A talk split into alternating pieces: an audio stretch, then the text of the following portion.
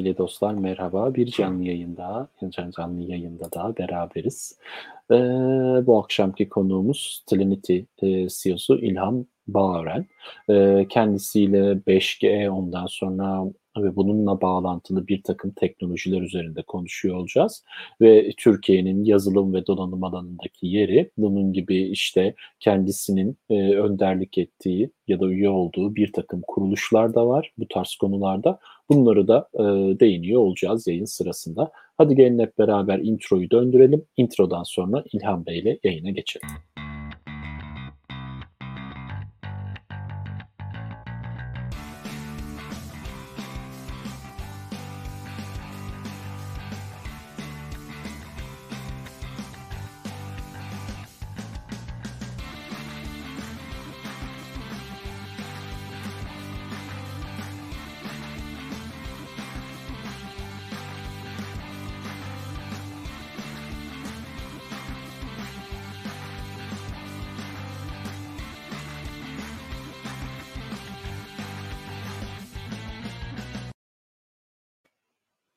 Evet, tekrar merhaba dostlar. Şimdi İlhan Bey'i de yayına alalım ve başlayalım. İlhan Bey merhaba, nasılsınız? Merhaba, iyi akşamlar. Teşekkürler. İyiyim, siz nasılsınız? Sağ olun, ben de iyiyim. Çok teşekkürler. Evet, bir yayında daha e, buluştuk arkadaşlarla, dostlarla. Bakalım bu yayın e, nasıl gidecek. O zaman şöyle yapalım isterseniz. Benim her zaman herkese sorduğum bir e, soru var. Bize kendinizi tanıtabilir misiniz diyorum. E, İlhan Bağören kimdir? Biz sizden dinleyebilir miyiz? Okey. Ee, İlhan Bağören, e, ben e, elektrik mühendisiyim. E, 1979 e, ODTÜ elektrik e, mezunuyum. Aşağı yukarı işte e, telekomünikasyonla ilgili yazılım e, alanında işte 40 41 42 senedir e, uğraşıyormuşum. E, şu anda e, Telenity adlı bir firmanın e, yöneticisi, CEO'suyum.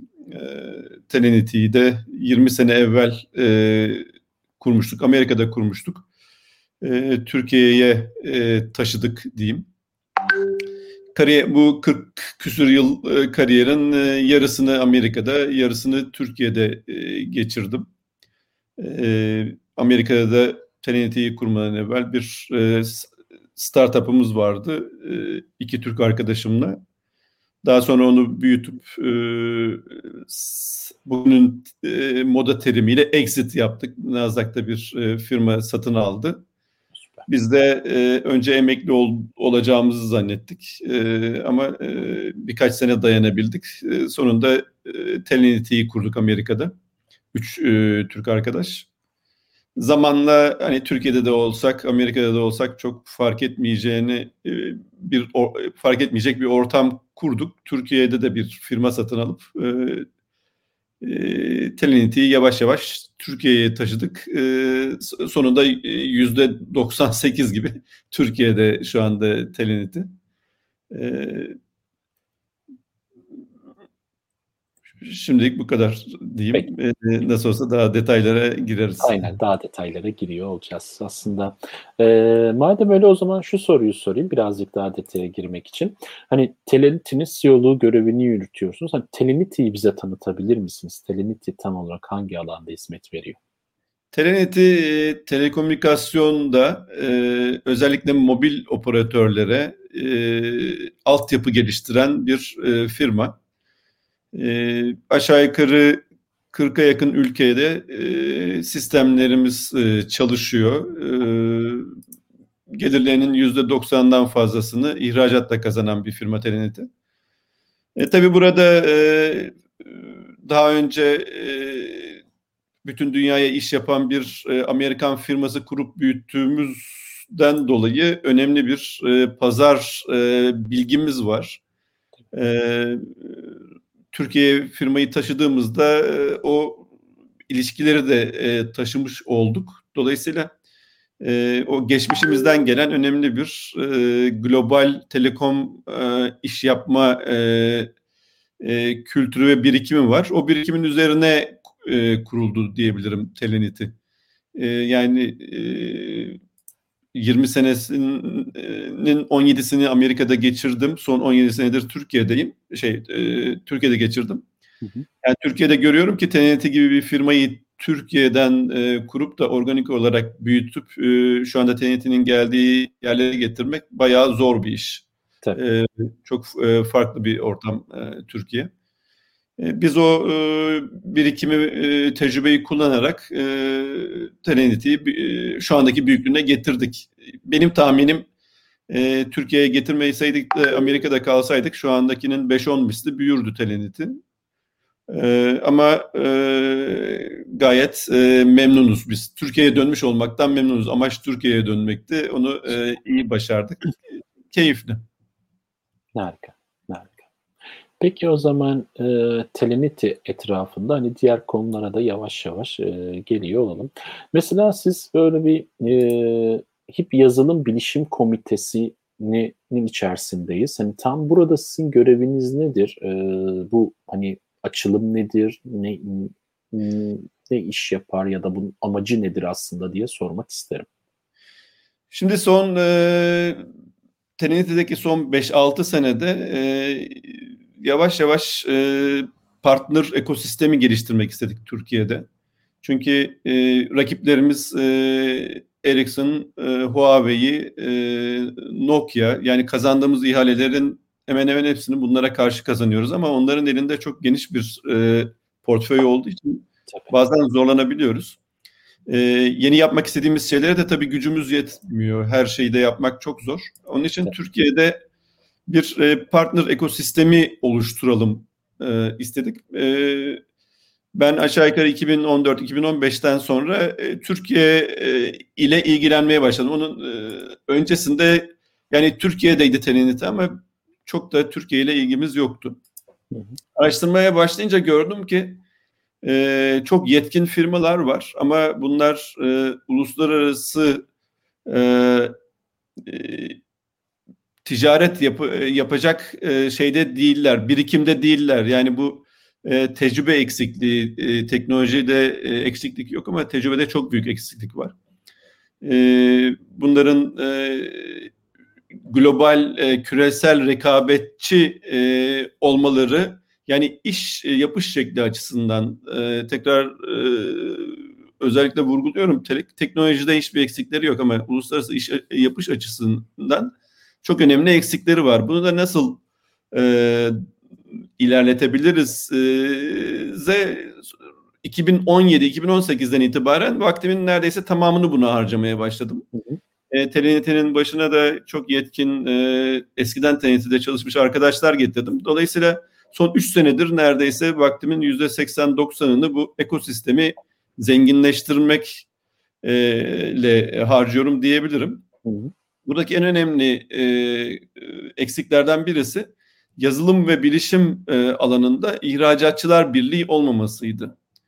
E, burada e, önemli bir örgütlenme e, yaptık. E, ee, burada tabii şunu da açıklamam gerekiyor. E, aşağı yukarı 2018'e kadar Türkiye'de ihracat e, mal üzerine dönüyor idi. Yani mal ihracatı e, dışında e, devlet e, ilgilenmiyordu diyeyim ya da yardım da edemiyordu. Çünkü yani mal ihracatının dışında ne var diyebilirseniz ona hizmet deniyor. Yani e, gümrükten e, gümrük vererek fiziksel e, e, ihraç ettiğiniz şeylere mal ihracatı deniyor. Bunun dışındaki her şeye de hizmet deniyor. E, yani bizim telekom işinde olduğumuz için aslında bizim e, yazılımımız fiziksel olarak bir şeye koyarak ihraç etsek bile e, gümrük e, sisteminde, ticaret sisteminde o hizmet sayılıyor ve onun arkasında bir örgütlenme yok idi e, ihracatçılar birliği açısından. Türkiye İhracatçılar Meclisi TİM'in altında e, ihracatçılar birlikleri var. Hemen her sektörün ihracatçılar birliği var. Bizim yoktu. Onun üzerine uğraşıp diğer hizmet ihracatı yapan e, gruplarla beraber hizmet ihracatçıları birliğini kurduk. Hı hı. E, onun altında da e, en büyük hizmet e, sektörleri e, maalesef yazılım değil. e, özellikle e, işte Türk Hava Yolları'nın da e, parçası olduğu Yolcu taşıma mesela bir hizmet sayılıyor. Doğru. E, lojistik bir hizmet sayılıyor. Yurt dışından hasta getirmek, e, üniversitelere e, öğrenci getirmek bunlar hep mesela hizmet e, sayılıyor. Doğru. Dokuz e, sektör bir araya gelip bu hizmet ihracatçılar birliğinin altında her birisi için birer komite kurduk. O, e, yazılım bilişim komitesinin e, kurucusu benim. Orada e, sektörden 10 tane e, temsilci var. E, aşağı yukarı kurduktan sonra şimdiye kadar 700 üzerinde firmayı üye yaptık e, buraya. Çeşitli e, destekler, e, eğitimlerle e, bu firmalara, e, firmaların ihracat e, konusundaki e, yetkinliklerini arttırmaya çalışıyoruz. E, yani benim görüşüm e, özellikle yazılımda e, yerel pazar diye bir şey e, düşünemiyorum ben. Yani e, sınırlar kalktığı için yani zamanında ve hatta şimdi de işte dayımın oğlu e, e, Şekerbank'ta e, ona ben satarım falan gibi şeyler geçmişte olmuştur ama bu hı hı. çok sürdürülebilir bir şey değil. Gerçekten Doğru. küresel olarak rekabetçi değilse sizin ürününüz küresel bir oyuncu gelip sizi e, mahallenizdeki e, şeye bile müşterinize bile e, el, elinizden alabilir. Dolayısıyla küresel oyuncular gelip sizi satın bile alabilir rekabet edemiyorsa. E, keşke o, o daha güzel tabii de.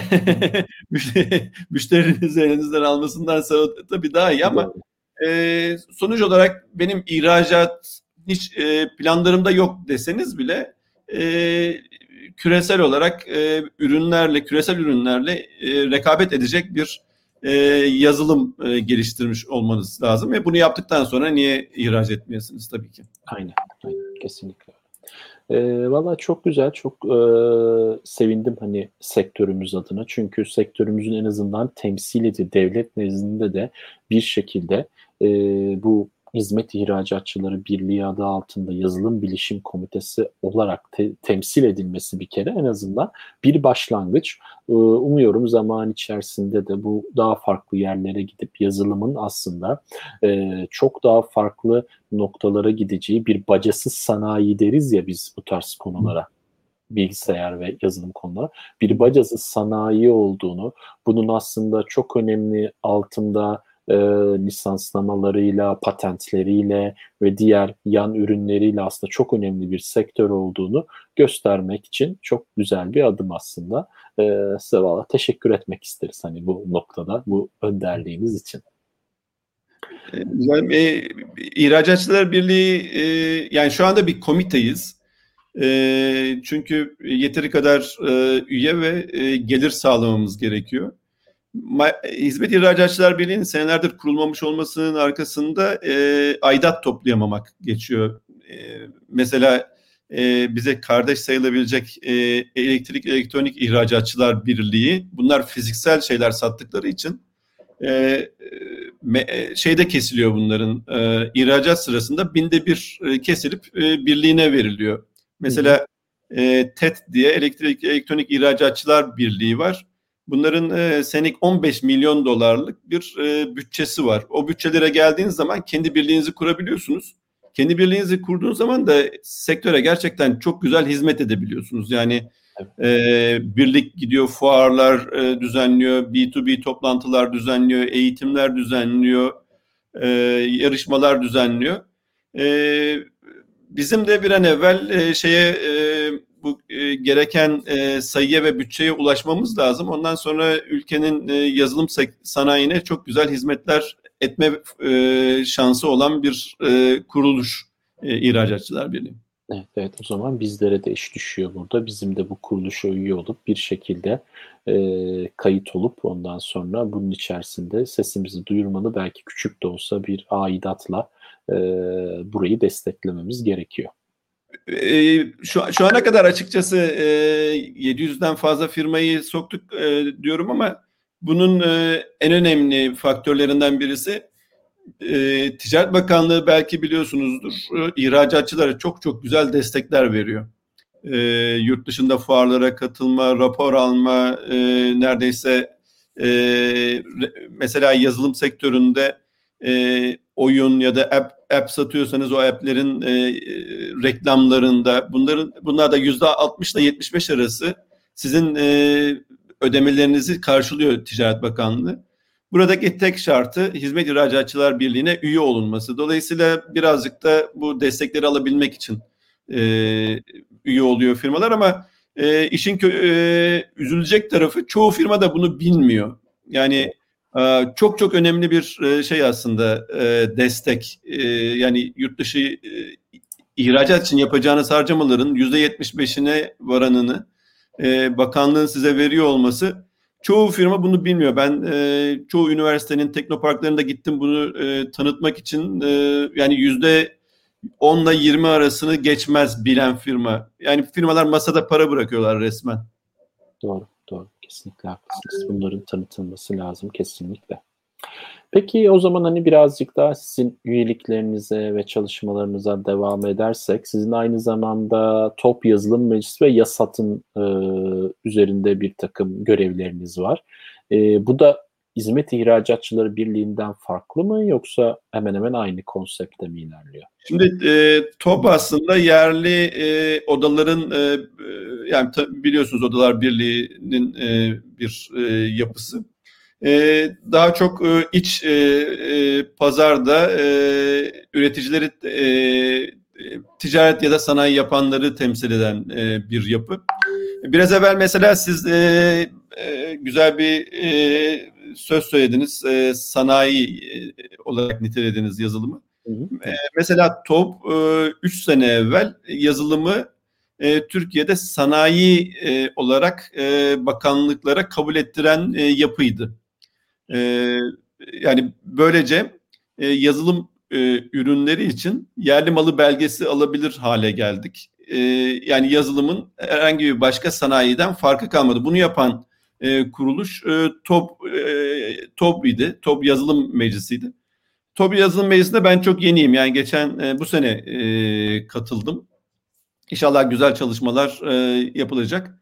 E, YASAD'da e, yani e, Türkiye'de çok e, sayıda yazılım ve bilişim e, sektörünü temsil et, eden e, ettiğini söyleyen dernek var. Aşağı yukarı 44-45 e, tane dernek var. Hı hı. Ancak e, yazılım sektörü dediğimiz zaman e, anlaşılan şey aslında Türkiye'nin bir pazar olarak temsil edildiği e, modeli düşünün. Oradaki e, sektörün temsilcisi bu e, dernek.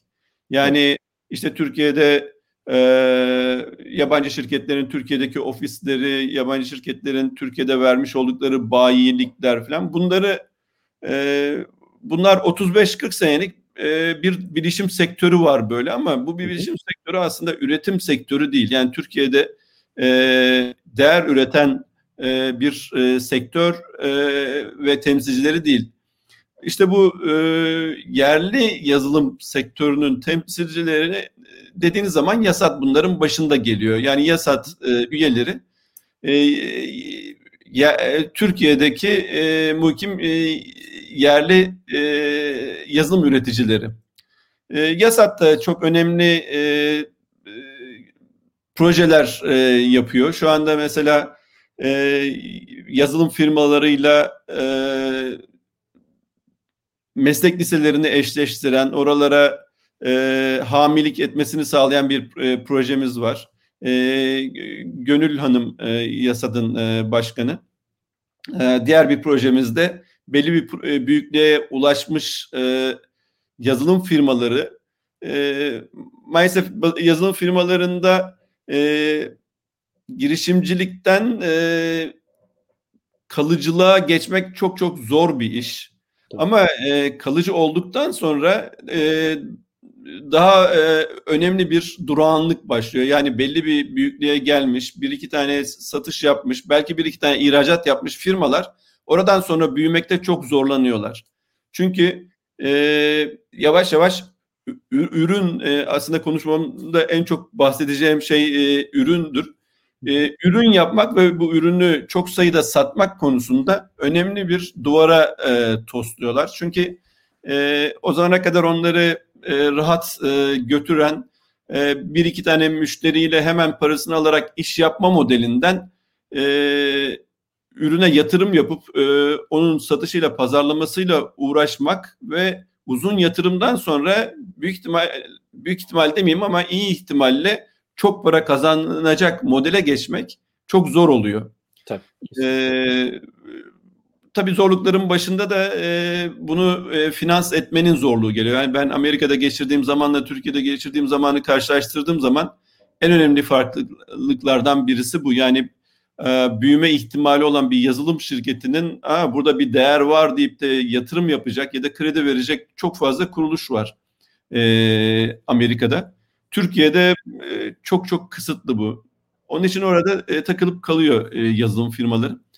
E, Yasad'ın e, projelerinden birisi e, bu çeşit firmaları alıp onlara e, hem mentorluk hem eğitim vererek e, onları bu şeyin hendeğin üzerinden atlatmak.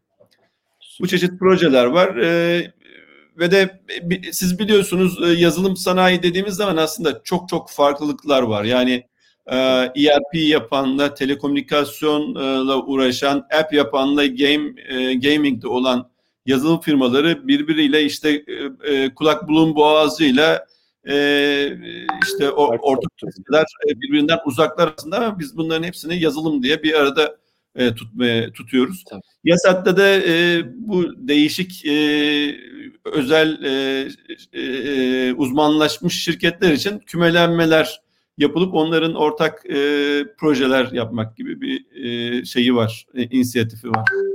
Çok harika. Çok harika.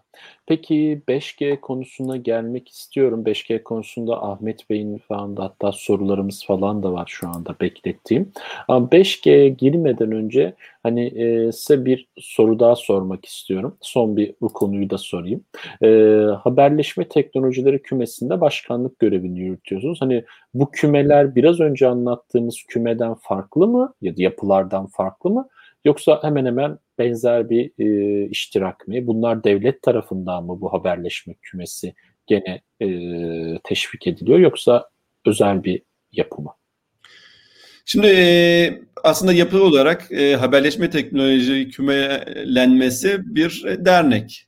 Hı hı. E, ancak e, Ostim e, diye bir e, organize sanayi bölgesi var Ankara'da. Çok özel bir organize sanayi bölgesi. Ostim e, geçmiş senelerden e, beri e, Türkiye'de e, yerliliğin artma potansiyeli olan e, konularda e, küme kurmayı e, bir e, uzmanlık haline getirmiş. E, işte geçmişte e, medikalde e, raylı sistemlerde, e, orga, e, savunma sanayinde e, toplam 6 tane küme kurmuşlar geçmişte. E, haberleşme teknolojileri kümelenmesinin kuruluşu da e, biraz e, 4,5 biraz evvel sizde e, sohbet ediyorduk. Türkiye'de 5 4,5G e, ihalesi sırasında devlet e, operatörlere bir e, zorunluluk getirdi. E, yerli e, satın alma zorunluluğu. Yüzde 30'da başlayıp yüzde 45'e varan ve yüzde 45'e e, de kalan bir e, e, zorunluluk. 2016-2017 senesinde ilk senede yüzde 30 olması gerekirken bu yüzde birin altındaydı. Yani yüzde 0.98'di. Yani acınacak bir durumdu. Türkiye yani operatörlere gidilip de yani ceza verilecek ama operatörler de yani varda mı almıyoruz ne, ne alalım ki Türkiye'de yok e, gibi bir savunma içindeydiler. Bunun üzerine e, Ostim e, bu işe e, ya bu, tam da bizim uzmanlığımıza uygun bir e, alan diye e, BTK ile bir araya geliyorlar. BTK'da e, Başkan Yardımcısı Gazali Bey vardır. E, o da yani operatörlere ceza keselim ama önlerine de alabilecekleri bir şey koyacak bir ekosistem yaratalım diye bunlar bir araya gelip bir çağrı yaptılar. Ben de ilk katılanlardandım. Hı hı. 2017 yılında e, bir dernek kuruldu. E, ismine de haberleşme teknolojileri kümelenmesi dendi. E, bu çağrıya 120'ye yakın firma katıldı. E, ondan sonra baktık bu firmaların e, yani bu kümelenmenin e, önemli e, faydası e, tek tek e, çalışan aslında yetkinlikleri de fena olmayan ama e, ben bu firmaların önemli bir kısmıyla tanıştım, gezdim, e, baktım. Yani e, bunların gerçekten iş geliştirme gibi bir e, şeyleri yok, adeleleri yok. Hı hı. Yani e, e birçok e, şey e, çok zeki, çok bilgili insan bir araya geliyorlar, e, güzel bir şeyler yapıyorlar. Sonunda belki satıyorlar, belki satamıyorlar.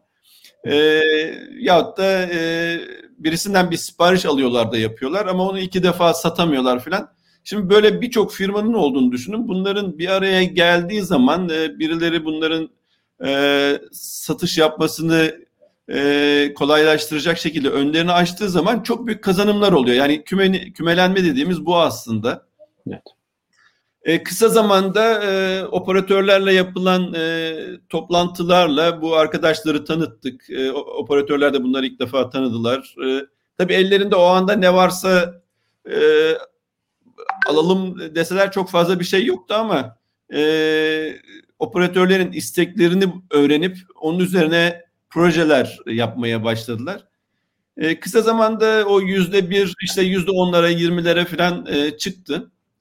Harika. E, 2017'nin sonlarına doğru e, tamam ama işte yüzde ona çıkar, 15'e çıkar, kablo satarsınız, e, işte ne bileyim e, akü satarsınız falan ama yani esas e, 4.5G'de operatörlerin aldığı parçaları yapmak için çok geçti. Yani 4.5G'ye biz zaten 6 sene geç girdik 4G'ye Türkiye'de. Doğru. Yani 2011'de 4G teknolojisi başlamışken siz 2017'de hadi bakalım e, kolları sıvayıp bize 4.5G e, ürünleri yapalım demek için çok geç. Çünkü bu ürünler yerli pazar bu ürünleri e, fizibilitesini oluşturmaz. Yani 3 operatöründe bütün istediklerini yapsanız e, karlı bir şekilde yapamazsınız. E, çok daha büyük bir ekonomik e, skala lazım. Hı hı. E, onun üzerine 4.5G'den e, vazgeçtik. E, 5G geliyor. 5G'ye odaklanalım dedik. 2017 yılında 3 operatörü topladık. BTK topladı. Biz de e, artık onlar da hani e, istenen şeyde e, büyüklükte satış yapmadıkları için suçluluk ve eksiklik ve hani ceza alma durumları vardı. Artık e, e, BTK onlara gelin bakalım şu arkadaşlarla oturun anlatın derdinizi e, hani bunlar tercih size e, bize dikecekler deyince onlar da geldiler oturdular. E, bize e, uzun uzun e, şeyleri anlattılar. 5G'de neler yapmayı planlıyorlar, ne eksiklikleri olabilir e, anlattılar. Yani ben işte 40 küsür senedir e, e, telekomünikasyon yazılım işindeyim. E, bu hayatta gördüm en güzel fırsat. E, yani e, e, satış yapmış her firma bilir e, müşterinin istediğini e, onunla beraber oturup e, öğrenmek e, çok çok büyük bir nimettir. Kesinlikle. Bizim durumumuzda operatörlerin e, normal şartlarda ben Telenity olarak operatörlerde ulaşamadığım kadrolar daki arkadaşlar oturdular bizle. E, plan yaptılar. E, sonunda neler yapacağımıza karar verdik. E, daha büyük güzellik e, gene BTK'nın ve Ulaştırma Bakanlığı'nın da yardımlarıyla Sanayi Bakanlığı da devreye girdi ve bu proje için e, Türkiye'nin gelmiş geçmiş en büyük e, TÜBİTAK desteği çıktı. E, 16 firma bu projede yer almak istedi. Üçte oper, operatörümüzü de e, projeye aldık. 19 firma. E, 200 milyon liralık bir e, TÜBİTAK desteği e, verildi. Ve 2018'in başında e, 5G e, ürünlerini geliştirmeye başladık. Tamamdır. Tam burada duralım isterseniz. Tam tamam. 5G ürünlerine gelmişken. O zaman şunu ben size sormak isterim. Hatta şurada Ahmet Bey'in de yazdığını ekrana vererek aslında sormak isterim.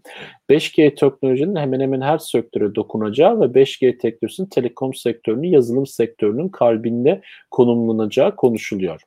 5G'nin ee, dönüştüreceği sektörlerden ve bu sektörlere etkilenilen etkilerinden bahsedebilir mi İlhan Bey demiş Ahmet Bey. Ben aslında tam bu soruya şöyle girmek istiyorum. 5G teknolojisini bize anlatabilir misiniz? 5G'nin farklı yönü nedir? Neden bu teknoloji geliyor? İhtiyaç nerede doğdu? Ve hani bize neler getirecektir bu 5G? E, bir, bunu anlatırsak oradan devam edebiliriz sanıyorum sohbetimize. Tabii şimdi e, 5G e, şimdiye kadarki e, 4G, 3G, 2G'nin hepsinde bulundum ben. E, bunlardan şu açıdan e, farklı. E, şimdiye kadarkiler telekomünikasyon standartıydı. Yani telekomünikasyon olarak e, ihtiyaçlar nedir, yetkinlikler nedir? E, oturup e, elimizdeki en iyi teknolojiyi bir araya koyalım, e, telekomünikasyon hizmeti verelim. Hatırlıyorsanız 2G'de ses, e, işte 3G'de biraz hafif internet, 4G'de tamamen internet ama bu bir telekomünikasyon sistemiydi. 5G'nin farkı e, 5G aslında bir endüstri standardı, telekom standardı değil. E, bundan anladığımız şey e, standartlar geliştirilirken eskisi gibi telekomcular bir araya gelip karar vermedi. Çeşitli sektörlerde, aklınıza gelen bütün sektörlerde önümüzdeki 10-15 sene telekomünikasyon e, yapacağınız uygulamalarda telekomünikasyondan ne beklersiniz e, diye çalışma yapıldı. E, ITU diye International Telecommunication Union vardır. Bu standartları onlar en son e, damgalarlar. E, onların çalı, e, yürüttüğü çalışmalarla işte e, otomobilciler, sağlıkçılar, e, tarımcılar, e, finansçılar bunların hepsi bir araya geldi ve e, biz şöyle bir uygulama yapacağız. E, bunların hepsi e, uygulamalar yazıldıktan sonra peki bu uygulama için sizin neye ihtiyacınız var? E, ne yaparsak bu çalışır? E, sorusuna cevaplar da alındıktan sonra bir e, isterler listesi çıktı. Yani bunlar olması lazım. Bu isterler listesinde dominant olarak üç tane özellik ön plana çıktı. Bunun e, bunlardan e, yani 5G e, ile ilgili araştırma yaparsanız e, Google'da hep bu üçgen e, görürsünüz. Bir tane çok meşhur bir üçgen vardır. Bu üçgen bu üç e, dominant özellikle e, ilgili bir üçgen. Üçgenin bir köşesinde çok yüksek hızda e, bağlantı var. Yani şimdikinin 100 misli. E, 10 gigabit saniyede diyelim. E, geniş e, e, band diyelim. Üçgenin diğer bir köşesinde e, çok sayıda cihaz var. Yani 1 milyon cihaz kilometre karede. E, daha evvel 4.5G teknolojilerinde bu aslında bin civarında. Yani bin misli daha fazla. E, üçüncü köşe ise çok hızlı cevap. Güvenilir ve hızlı cevap. Yani e, bir e, uygulamaya bir soru atıyorsunuz. Onun cevabının geleceğinden yüzde yüz eminsiniz ve de e, ölçü e, siz, e, sizin istediğiniz daha önce e, anlaştığınız e, bir hızda e, zamanda geri geliyor. Bu bin milisaniyelere kadar inebilecek. Hı hı. Yani siz e, otomobilin e, o sırada işte karşıda bir e, şey çıktı, engel çıktı, ışık şöyleydi, şurada da insan vardı. Bunlarla ilgili bir soruyu soracaksınız. Bir milisaniyede cevap gelecek sağa dönsün araba gibi. Yahut da ameliyat yapıyorsunuz e, bir yerde bir kılcal damar çat, e, patladı. Bir milisaniye içinde buna e, robotun e, ya da e, ameliyat yapanın nasıl e, e, müdahale edildiğine dair cevap gelecek. E, dolayısıyla bu üçünün e, daha sonra kombinasyonları e, tabii kullanılacak. İşte oyun oynuyorsanız belki de e, kilometre karede 100 cihaz olsun, e, 8 gigabit per saniyede olsun, e, işte 5 milisaniyede de cevap versin. E, bunlardan da ortaya aslında e, network slice denilen bir şey çıktı. Yani bu üç e, şeyin e, birbirinden farklı özelliğin hepsini her yerde vermek e, teknolojik olarak mümkün değil. E, gerekli de değil aslında. Yani siz kalkıp da bir milyon e, e, elektrik saati okuyorsanız onun için e, 10 gigabit saniyelik bir şeye ihtiyacınız yok. E, e, dolayısıyla bunların e, kombinasyonlarına e, şey e, deniyor. E, dilim deniyor. Bu da 5G'nin getirdiği bir e, yenilik. Önümüzdeki senelerde bunu göreceğiz. Bu dilimler 5G'de e, e, bir devrim yaratacaklar. siz İngiltere'desiniz bildiğim kadarıyla çok yakından bilirsiniz. MVNO diye bir kavram vardır. Yani sanal operatör diye mesela evet. Virgin Mobile'ın falan da oldu. Tabii. Aslında fiziksel olarak bir yatırımı olmayan, bir ağı olmayan birisi gelir e, fiziksel yatırım yapmış birisinden e, dakika e, e, ya da bant genişliği satın alır.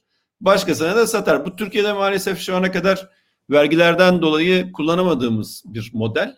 Ama 5G'de bu model e, çok çok büyüyecek. Yani e, bu e, bu biraz evvel dediğim slice'lar yani network dilimleri e, 5G'de sanal operatörler tarafından satılmak üzere geliştiriliyor. Yani e, siz mesela e, müşterileriniz e, oyun sektöründesiniz, e, oyuncu müşterileriniz var. Siz gelip oyun konusunda bir sanal operatör olacaksınız. Operatörlerden e, çeşitli dilimler alacaksınız. O dilimleri satacaksınız.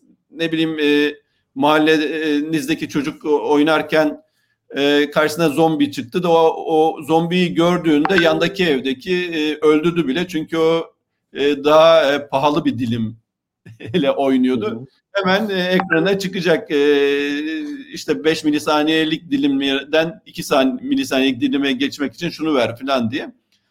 Dolayısıyla bu değişik değişik e, sektörlere uygulamasını 5G'nin yöneten e, sanal operatörler çıkacak. E, biraz evvelki arkadaşımızın sorusunda e, yola çıkarak en önce hangileri neler yapacak dediğinizde ilk akla gelenler tabii oyun, e, sağlık. Sağlıkta da e, bir taraftan bu çok e, anlatılan uzaktan ameliyat filan gibi şeyler varken diğer taraftan e, onun kadar önemli e, hastaların e, sürekli izlenebilmesi, e, çeşitli sensörlerin e, üzerinde olması, e, hastaneye gelmeden e, muayene edilebilmesi filan gibi e, uygulamalar olacak. E, tarımda mesela e, e, yani şu anda e, belli bir e, şeyle suluyorsunuz e, tarlayı. Büyük ihtimalle gerekenin e, yüzlerce misli su boşa gidiyor. Çünkü tam zamanında tam istediği kadar vermiyorsunuz ama e, koyduğunuz bir sensörle yaprakların e, e, yeşilliğinden, parlaklığından ha buna şu kadar diyebileceksiniz. Artık toplamak lazım diyebileceksiniz. Bu çeşit e, uygulamalar. E, en önemlilerinden birisi de e, endüstride yani fabrikalar. Fabrikalarda e, özel 5G diye ayrı bir kavram daha çıkıyor. E, 5G'yi e, e, ülkede mesela şu anda 3 tane gerçek e, fiziksel operatör var Türkiye'de. E, e, İngiltere'de zannediyorum daha fazla vardır ama sadece operatörler lisans alabiliyor. 5G'de yeni bir konsept e, kavram geliyor e, herhangi bir hastane, bir liman, bir fabrika, e, büyük bir işletme özel 5G lisansı alabilecek. Sadece kendisi için. E, özellikle e, hani real time dediğimiz e, zaman konusunda çok hassas işler yapabiliyorlarsa e, bunları e, hani 4G'deyken bir tane kamera var. Kameradan içeri giren adamın e, işte yüzünü tanımak ya da e, ateşini ölçmek için e, operatörün merkezindeki data center'a gitmesi lazım. Oradan internete çıkması lazım. İnternetten tekrar işleyecek yere gitmesi lazım. Bunların bir milisaniyeyle olması mümkün değil. Tabii. Ee, o, onun için mesela bu e, baz istasyonun hemen yanında e, edge computing dediğimiz sınır e, sınır e, neyse edge'in karşısı e, sınır da sınır bilişim diyelim sınır bilişim denilen e, hemen e, orada toplanan e, verinin hemen orada işlendiği ve cevabının verildiği. Mesela yolların kenarlarına da bunlar konacak ki otonom arabalar olabilsin. Hemen or oracıkta işlensin ve e, geriye e, gereken bilgi gitsin diye. E, dolayısıyla bunlara baktığımız zaman e, 2025 senesi geldiğinde e, 5G'ye ulaşmak ve ihtiyaç e, hani e, oksijene ihtiyacımız kadar e, doğal ve e, gerekli e, olacak yaşamımızı e, sürdürebilmek için. Aslında ben te- test yaptım geçenlerde. Sizi 5G olarak konuk edeceğimi bildiğim için şöyle ben de bir bakayım dedim. 5G ile şu anda ben evimin olduğu yerden 300 megabit e, hız alabiliyorum. Aynısını işte e, ADSL modemle test ettiğimde 75 megabit hız alabiliyorum. Yani şu anki hazırdaki durumda yararlanabildiğim bu şekilde. Evet. Ve bu benim için harika bir şey. 2.4 GB'lık bir veriyi 2 dakikada indirdim. Şey vasıtasıyla. 5G vasıtasıyla. Yani bunun e, çok ötesine de geçecektir. Özellikle e, yani 5G biraz yavaş e, ilerleyecek. E, çok çok önemli bir e, yatırım. Ve de bu yatırımı e, işte e, ne bileyim siz aylık ödemelerinizi e, karşılamak mümkün değil. E, yani geleneksel olarak 3G'den 4G'ye, 4G'den 5G'ye gittiğinde e, tamam e, 3 misli 10 misli daha hızlı olacak falan ama kimse de kalkıp 10 misli hız için 10 misli para vermez. Doğru. E, geleneksel olarak %30'lara falan e, artarsınız. Yani 10 liralık harcıyorsanız 4G'ye 5G gelince 13-14 harcarsınız. Zamanla o e, 11'lere düşer.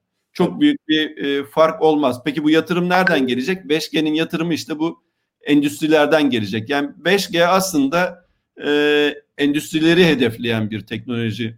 O arada tabii şeyden faydalananlar da olacak. Yani bizler de filmleri daha hızlı indireceğiz. Belki AR, VR'la güzel oyunlar falan oynayacağız ama 5G'de asıl e, yatırımın karşılığı e, çeşitli endüstrilerin e, yaptıkları verimlilik artışından e, gelecektir. Bu verimlilik artışı da ne demek? Sizin e, ülke olarak daha e, rekabetçi olabilmeniz demek. 5G'si daha iyi olan ülkeler e, kesinlikle e, diğer ülkelerdeki rakiplerine karşı her sektörde daha avantajlı olacakları kesin. Harika. Peki şimdi Türkiye'deki 5G'yi sormadan önce aslında e, bir soru sormak istiyorum size. Bayağı bir popüler günümüzün popüler konularından bir tanesi. Sizin yorumunuzu öğrenmek istiyorum bu soruyla ilgili. 5G ile COVID-19'un yayılması hızlan hızlandırdı hızlandırır mı? Yani 5G ile COVID-19 arasında bir bağ var mı? Ee, biliyorsunuz böyle bir takım haberler çıktı. Sosyal medyada bunları abarta abarta insanlara verdi. Bayağı bir kıyamet koptu bu konuyla ilgili. Sizin düşünceniz nedir? Ee, 5G teknolojisini bilen biri olarak. Şimdi 5G'nin e, Covid'i e, neden olması ya da yayması için bir e, neden yok. E, 5G teknolojisi e, gelirken e, aşağı yukarı 6-7 senelik bir çalışma yapıldı. Dünya Sağlık Örgütü'nün e, altında e, şeyden bağımsız, e, ticari yapıdan bağımsız bir e, ICN IRP diye e, bir kuruluş vardır. Bunlar e, elektromanyetik yayılımların e, vücuda vereceği e, şeyleri, e, potansiyel zararları ölçerler, biçerler. 7 senelik bir çalışmanın sonucunda geçen sene Şubat ayında bir e, rapor yayınladılar. 5G'nin herhangi bir e, tehlikesi yok. E, 4G'den de e, 5G çok çok daha e, güvenli bir e, teknoloji. Çünkü e, birkaç açıdan e, açıklayabiliriz. Birisi frekans daha yüksek olduğu için e, yani frekans yükseldikçe yayılması zorlaşır. Yani çok düşük, düşük frekanslar çok uzağa giderken frekans yükseldikçe yayılması zorlaşır. Dolayısıyla e, eskiden e, tek bir baz istasyonuyla kapsadığınız yeri şimdi e, çok daha fazla baz istasyonuyla kapsamanız gerekecektir. Bunu e, panik e, nedeni olarak sunanlar var. O her taraf baz istasyonu olacak diye. E, aslında baktığınızda bu e, kötü bir şey değil, iyi bir şey. E, yani e, işte bir kilometreye e, yayılan bir baz istasyonunun oraya yayılmak için çok e, güçlü e, yayın yapması gerekiyor. Doğru. Halbuki e, baz istasyonların arası yakın olduğu zaman size erişmek için baz istasyonunun yapacağı güç düşecektir. Ve aslında daha da e, önemli olan şey e, hep e, baz istasyonlarından yayılan e, manyetik güce bakarız. Aslında yanınızda duran kendi telefonunuzdan yayılan manyetik güç e, en az onun kadar e, bir risk yaratıyor aslında. E, cep telefonları da ne kadar yakında bir baz istasyonuyla konuşuyorlarsa o kadar az güçlü yayın yaparlar. Yani siz e, bir kilometre öteye tek bir tane baz istasyonu koyduk, e, her yeri kapsıyor, çok e, güvendeyiz dediğinizde aslında tam tersine telefonunuz oraya ulaşmak için çok güçlü yayın yapıyor kulağınızın dibinde. Bu aslında bu frekanstan ve sıklıktan dolayı olacak iyilik, iyileşme diyelim. Diğer bir iyileşme ise e, 5G'de e, eskisine göre çok kompleks antenler var. Yani e, evinize modem aldığınızda belki fark ediyorsunuzdur. E, 1 çarpı 1, 2 çarpı 2 diye böyle birden fazla anteni olan e, şeyler oluyor. E, Wi-Fi e, sistemleri oluyor.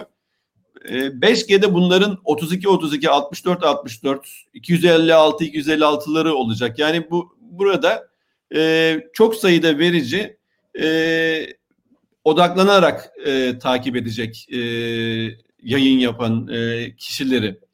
Dolayısıyla e, mesela mahallede bir tek siz varsınız. Size ulaşmak için baz istasyonu 360 dereceye yayın yapıyor diye düşünün 4G'de. 5G'de ise sizi buldu. E, sadece size yayın yaptığını düşünün. Yani diğer açılardaki kişilere hiçbir e, tehlikesi olmayacak.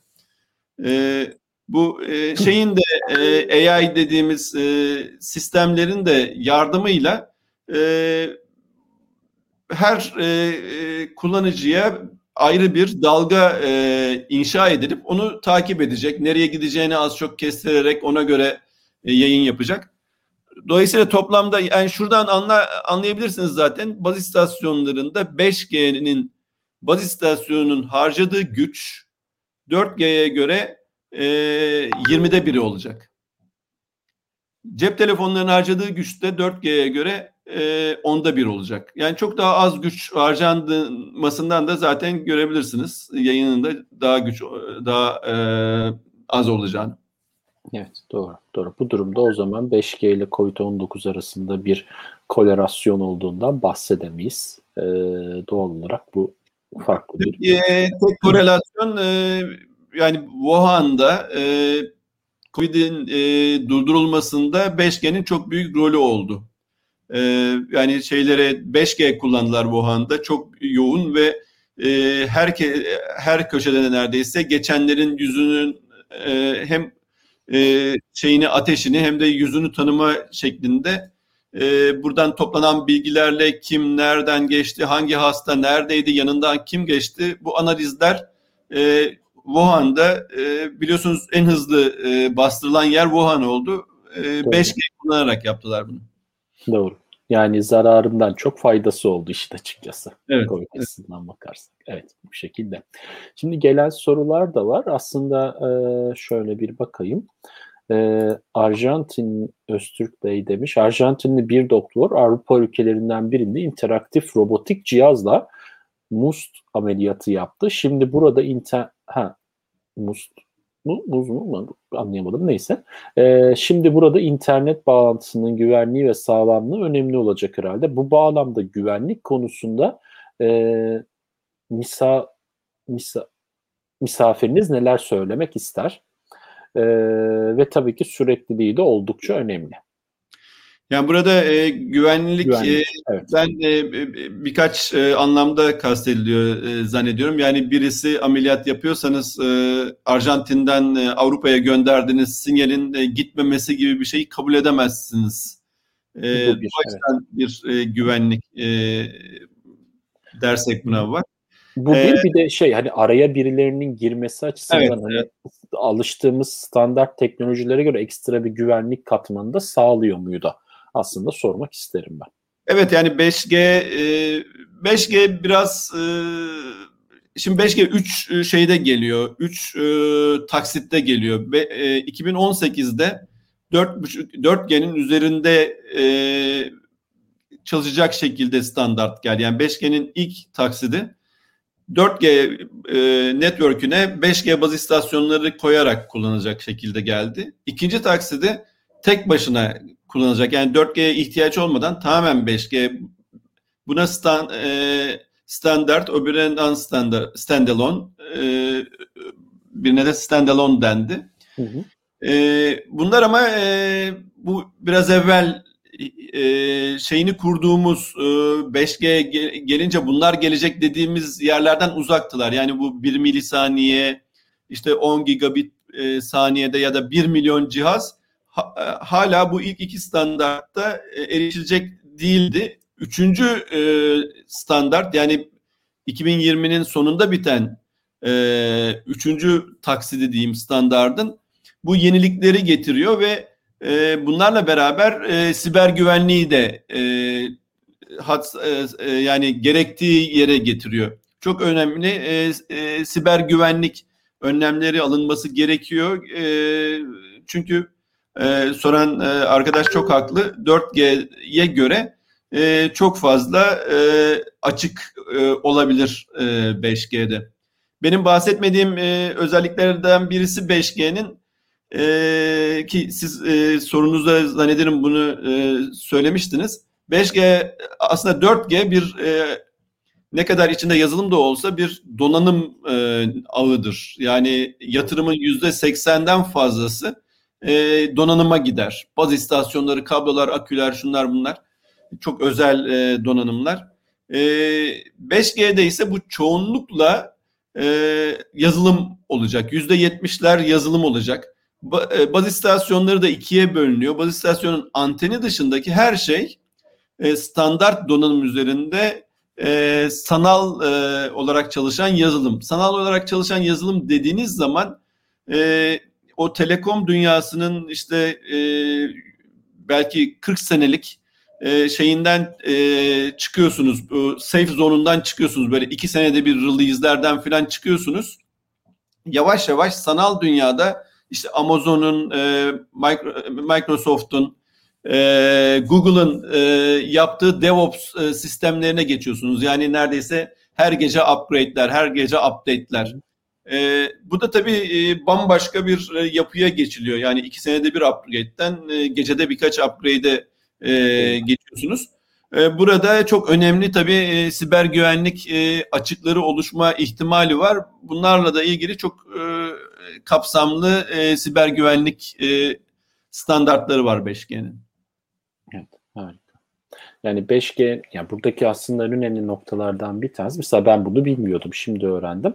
Yani donanımdan daha çok yazılım üzerinde oluyor olması ee, ve dediğiniz gibi hani düşündüğümüz zaman Microsoft'un, Google'ın sistemlerini günlük saatlik e, belli aralıklarla upgrade etmesi bizim de baz istasyonlarımız aslında belli aralıklarla upgrade edilecek. Gene bu sıklıkta. 2 yılda, 3 yılda bir donanım değiştirmek yerine 2 dakikada aslında belki de e, çok hızlı bir teknolojiye ya da daha farklı bir bant aralığına ya da farklı bir noktaya geçiyor olabileceğiz. Bu da belki bizim avantajımız olacak burada. Bu aslında çok önemli bir e, konu. Peki o zaman şunu da sormak isterim ben e, ve çok da vaktimiz de kalmadı işin açıkçası. E, şunu sormak isterim. Türkiye 5G teknolojisinin neresinde? Yani biz artık bu noktada yurt dışına donanım ve yazılım üretip e, satabilen bir ülke konumunda mıyız 5G ile yoksa 5G konusunda gene yurt dışında bir şeyler yapılacak yapılacak biz de bunları satın alacağız kullanmaya başlayacağız noktasında mıyız? E, nedir tam Türkiye'nin noktası? Valla ortalarda bir yerdeyiz diyeyim. Yani e, şu andaki proje, e, üzerinde çalıştığımız proje aslında e, 5G Türkiye'de e, kullanılmaya başladığı zaman e, yer, hemen hemen her konuda yerli çözümler olması üzerine kurgulandı. Bizim bu projemiz 2018 başında başlayan projenin e, bitiş tarihi 10 gün 15 gün sonra 31 Mart 2021'de ARGE bitmiş oluyor. Yani bütün ürünlerin 5G'de gerekecek bütün ürünlerin birer tane prototipi çıkmış oluyor. Tabii yani e, donanımlı yazılımlara baktığınız zaman bu prototip demek daha aylarca e, test yapacaksınız. Sahada test yapacaksınız, laboratuvarda test yapacaksınız demek. E, Türkiye'ye 2023'te geleceği varsayılıyor şu anda 5G teknolojisinin. Bizim e, o zamana e, hazır olabileceğimizi düşünüyoruz. Ama e, bu devlet e, teşviklerinin, e, desteklerin devam etmesi şartıyla.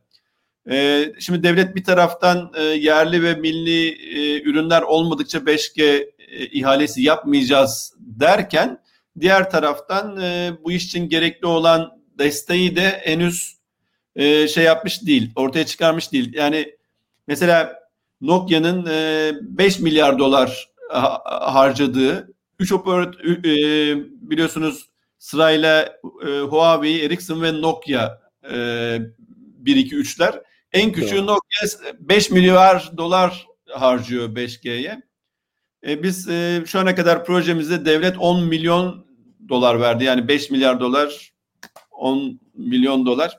E, yani ne kadar ekmek o kadar köfte e, şeyiyle e, yani bu işin hak ettiği e, destekler verilirse e, Türkiye e, gereken rekabetçilikte olacaktır. E, bu arada e, söylemeyi unuttum. Bu 5G e, teknolojinin çıkış çıktılarını ürünleştirecek bir de e, firma kuruldu bu HTK'nın e, firmalarının e, arasında G10 diye bir firma. E, bu firma e, çünkü biraz evvel bahsettiğim profilde yani iki tane profesör, üç tane e, genius mühendis gelmişler bir şey yapmışlar ama bunu tanıtacak, satacak, pazarlayacak, e, üretecek e, şeyleri yok. E, operatörler de kalkıp da hani bir tane baz istasyonu yapacağım ama işte antenini ondan alacağım, vidasını bundan alacağım. E, bu olacak iş değil. Bunu yapabilmek için bir tane firma kuruldu. G-Tent diye bir firma kuruldu. Bu firma e, inşallah yani e, hani bu Türkiye 5G teknolojisinde nerede alıcı mı satıcı mı e, diyorsunuz. Şu andaki planlar e, Türkiye'nin 5G'de e, e, satıcı, ihracatçı olması e, yönünde. Ama işte bunun altını doldurulacak e, yatırım ve e, finansı e, bulabilirsek. Anladım. Gene gene iş dönüyor dolaşıyor gerçekten bu konudaki ARGE e, çalışmalarına e, dayanıyor. Yani Nokia'nın ve diğer firmaların işte argeleriyle bizimkisi aslında kıyaslanamayacak, arge e, rakamlarıyla kıyaslanamayacak bir noktadayız aslında şu anda. Ee, peki o zaman aslında o zaman son sorumu size sormak isterim. Hani bu konuyu da e, kapattıktan sonra da yayını da kapatmak isterim. Ee, yazılımcı mı yoksa ürün yöneticisi istihdamına mı ihtiyacı var Türkiye'nin? Çünkü sizin bu alanda bir takım çalışmalarınız var diye sanıyorum.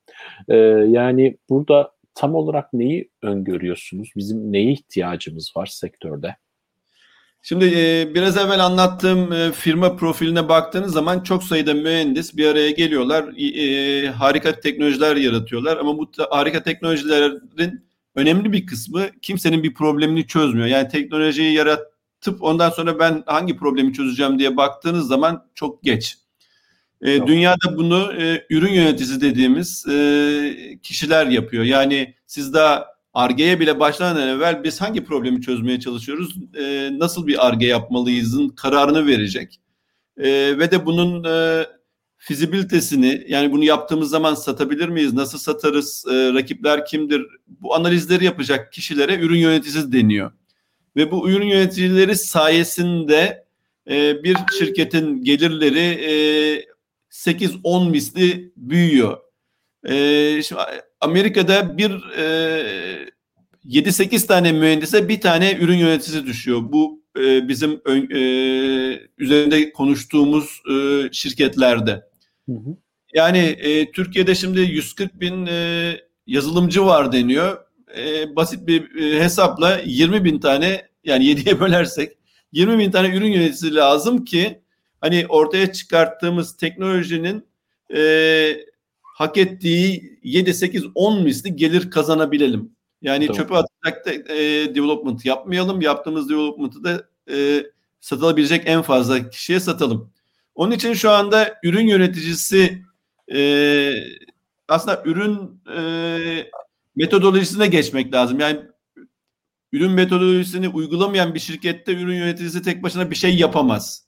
Yani firmanın e, ürün e, e, yönetmeye e, niyetlenmesi lazım. Ona yatırım yapmaya niyetlenmesi lazım. Böyle bir firmalarda ürün yöneticisi e, harikalar yaratır. Doğru, doğru. O zaman yani yazılımcıyı düşündüğümüz kadar ürün yöneticisinde düşünmemiz gerekiyor. Bir e, yazılım şirketinde özellikle ya da yazılım işi içerisinde. E, peki bu son sorumdu. Ben teşekkür ediyorum size e, katıldığınız için, bu akşamın konu olduğunuz için. E, gerçekten çok faydalı bilgiler öğrendik sizden. Türkiye'deki yazılımın yeri, kümelenmeler, ondan sonra bu hani diğer e, yazılımla alakalı teşvikler, e, dernekler ve bu tarz konularla alakalı ve tabii ki 5G teknolojisiyle alakalı. Ee, gerçekten hani Ahmet Bey de sağ olsun teşekkür etmiş size. Çok faydalı bir session oldu diyor bizler için. Ee, teşekkür ederiz. Ee, var mı eklemek istediğiniz bir şey kapatmadan önce? Ben, ben çok teşekkür ederim. Ee, gerçekten e, 7-8 e, değişik konuyu e, bir saatte e, şey yapmayı e, üzerinde konuşmayı başardık. E, gayet iyi hazırlamışsınız, hazırlanmışsınız. Ben teşekkür ederim. Peki o zaman e, izleyicilerimize de teşekkür ediyoruz. Sağ olun bizi yalnız bırakmadınız bugün. E, tekrar görüşmek üzere. E, iyi akşamlar. İyi akşamlar.